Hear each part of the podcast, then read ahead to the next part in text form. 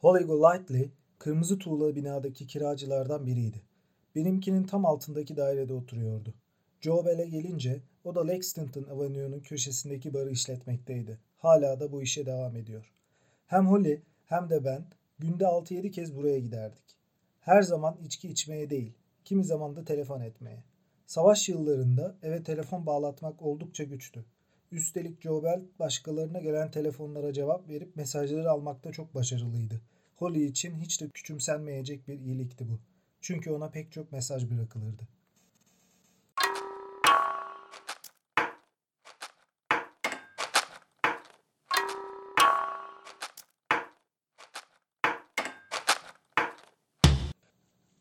Merhabalar. Bu bölümde Tiffany'de Kahvaltı isimli kitabı inceleyeceğiz. Bu kitap açıkçası okuması çok basit, çok kısa bir kitap. Uzun bir öykü aslında. Baş karakterin anlatıcı olduğu ama ana karakter olmadığı kitaplardan biri. Yani burada anlatıcı aslında yan karakterlerden biri. Olay örgüsü içerisinde. Bu kitabın aynı zamanda filmi de çekilmiş gizemli ve hüzünlü kadın karakteri bayağı bir yankı uyandırmış çekildiği zaman.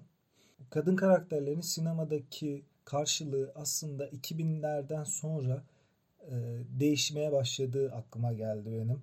Çünkü örneğin Fight Club'da Marla Singer karakteri de gizemli ve hüzünlü ama buradakinden biraz daha karanlık bir e, yanı var.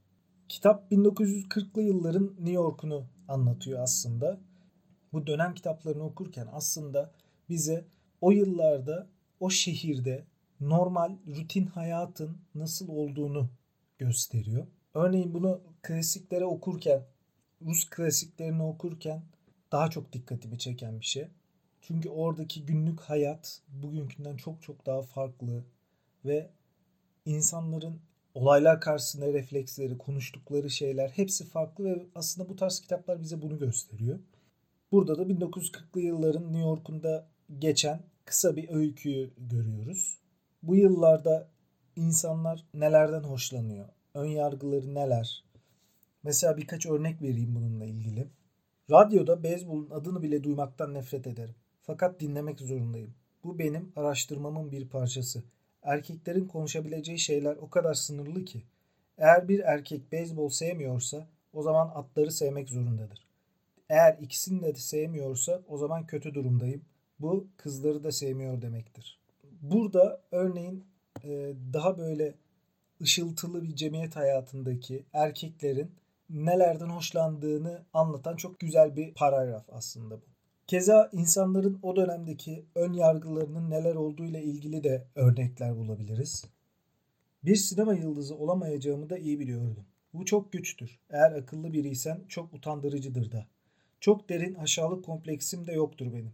Bir sinema yıldızı olmanın aynı zamanda kocaman ve şişman bir benliğe sahip olmak anlamına geldiğini herkes bilir. Gerçekte ise hiçbir benliğe sahip olmamak gerekir. Bu hayatta zengin ve ünlü biri olmayı istemezdim demiyorum. Bu benim planlarımda var ve günün birinde bunu başaracağımı da umuyorum. Fakat böyle olsa bile benliğimin peşim sıra gelmesini isterdim. Güzel bir sabah uyanıp da Tiffany'de kahvaltı ettiğim zaman bile yine kendim olmak isterdim. Başka bir yerde de örneğin Tiffany'ye benziyor. Mücevhere beş para vermediğimden değil. Elmasa hayır demem. Fakat kırkından önce elmas takmak da çok saçma. Hatta o zaman bile tehlikeli. Elmas yalnızca çok yaşlı kadınlarda iyi duruyor. Buruşukluklar ve kemikler, beyaz saç ve elmas. Sabırsızlanıyorum. Bugün mesela elmas takmak için hiç de öyle bir yaş kriteri olduğunu zannetmiyorum. Dolayısıyla 1940'lı yıllarda böyle ön yargıların olması da aslında garip geliyor ve bu tarz küçük detayları başka herhangi bir mecrada bulamazsınız. Yani bu tarz kitaplardan ancak görebilirsiniz bunları. Örneğin Dostoyevski'nin Kumarbaz kitabında işte şöyle bir şey vardı. Zengin bir aile bütün zenginliğini kaybediyor. Evlerini satıyorlar. Daha sonra yaptıkları ilk iş bütün eşyalarını toplayıp bir otele yerleşmek. Yani otele yerleşmek aslında tırnak içerisinde zengin bir eylem değil. Bütün eşyalarıyla birlikte topluyorlar, otele yerleşiyorlar. Ve bu bana çok garip gelmişti. Yine 1940'lı yılların New York'unda yine o bir savaş dönemi aslında bu. Savaş var Avrupa'yı kasıp kavuran. Ama günlük hayatta bu savaşın etkisini göremiyoruz. Ya savaş kimsenin çok da umrunda olan bir şey değil aslında. Yine hayat kendi rutininde devam ediyor orada. Kitapta aynı zamanda bu gizemli ve hüzünlü kadın karakterimizin kendine ait ön yargıları da var. Mesela sevmekle ilgili. Şöyle bir bölüm var mesela. Sakın bir yabaniyi sevmeyin Bay Bell. Dokun yaptığı yanlışlık buydu. Eve durmadan yabani şeyler taşıyordu. Kanadı incinmiş bir şahin. Bir kez ayağı kırılmış kocaman bir vaşak getirdi. Kalbini bir yabaniye vermemelisin. Onları ne kadar çok seversen onlar da o kadar kuvvetlenirler.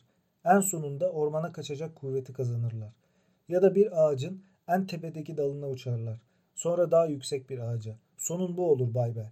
Eğer kendini yabanıl bir şeye kaptırırsan sonunda gökyüzüne baka kalırsın. Bu baş karakterin kendi düşünceleri aslında kitapta dönemlik değil de daha genel genel geçer kanılar gibi geldi bana. Son olarak şöyle bir bölüm dikkatimi çekti. Bir şehri insan neden sever, neden kendini oraya ait hisseder? Aslında onunla ilgili bir bölüm. Hoşuma gitti anlatırken. Onu da paylaşayım. Yıllar sonra, yıllar ve yıllar sonra bu gemilerden biri beni geri getirecek. Beni ve dokuz Brezilyalı çocuğumu. Çünkü evet, buraları görmeleri gerek. Bu ışıkları, bu nehri, nasıl başka şeyler, bir ağaç, bir yol ya da bir ev ya da herhangi bir şey. Ben onlara ait olduğum için benim olabiliyorsa, New York'u da benim olmasa da ben ona ait olduğum için seviyorum. Bu bölümlük bu kadar. Biraz kısa oldu bu bölüm. Bir yandan karantina günlerinde Dostoyevski'nin Budala kitabını okuyorum. Bugünler aslında bu tarz kalın, okuması zor kitapları okumak için ideal. Fakat önümüzdeki bölümde Mihail Bulgakov'un Köpek Kalbi isimli kitabını inceleyeceğim. Çünkü budalayı yetiştiremeyebilirim. Bu bölümlük bu kadar. Teşekkür ediyorum.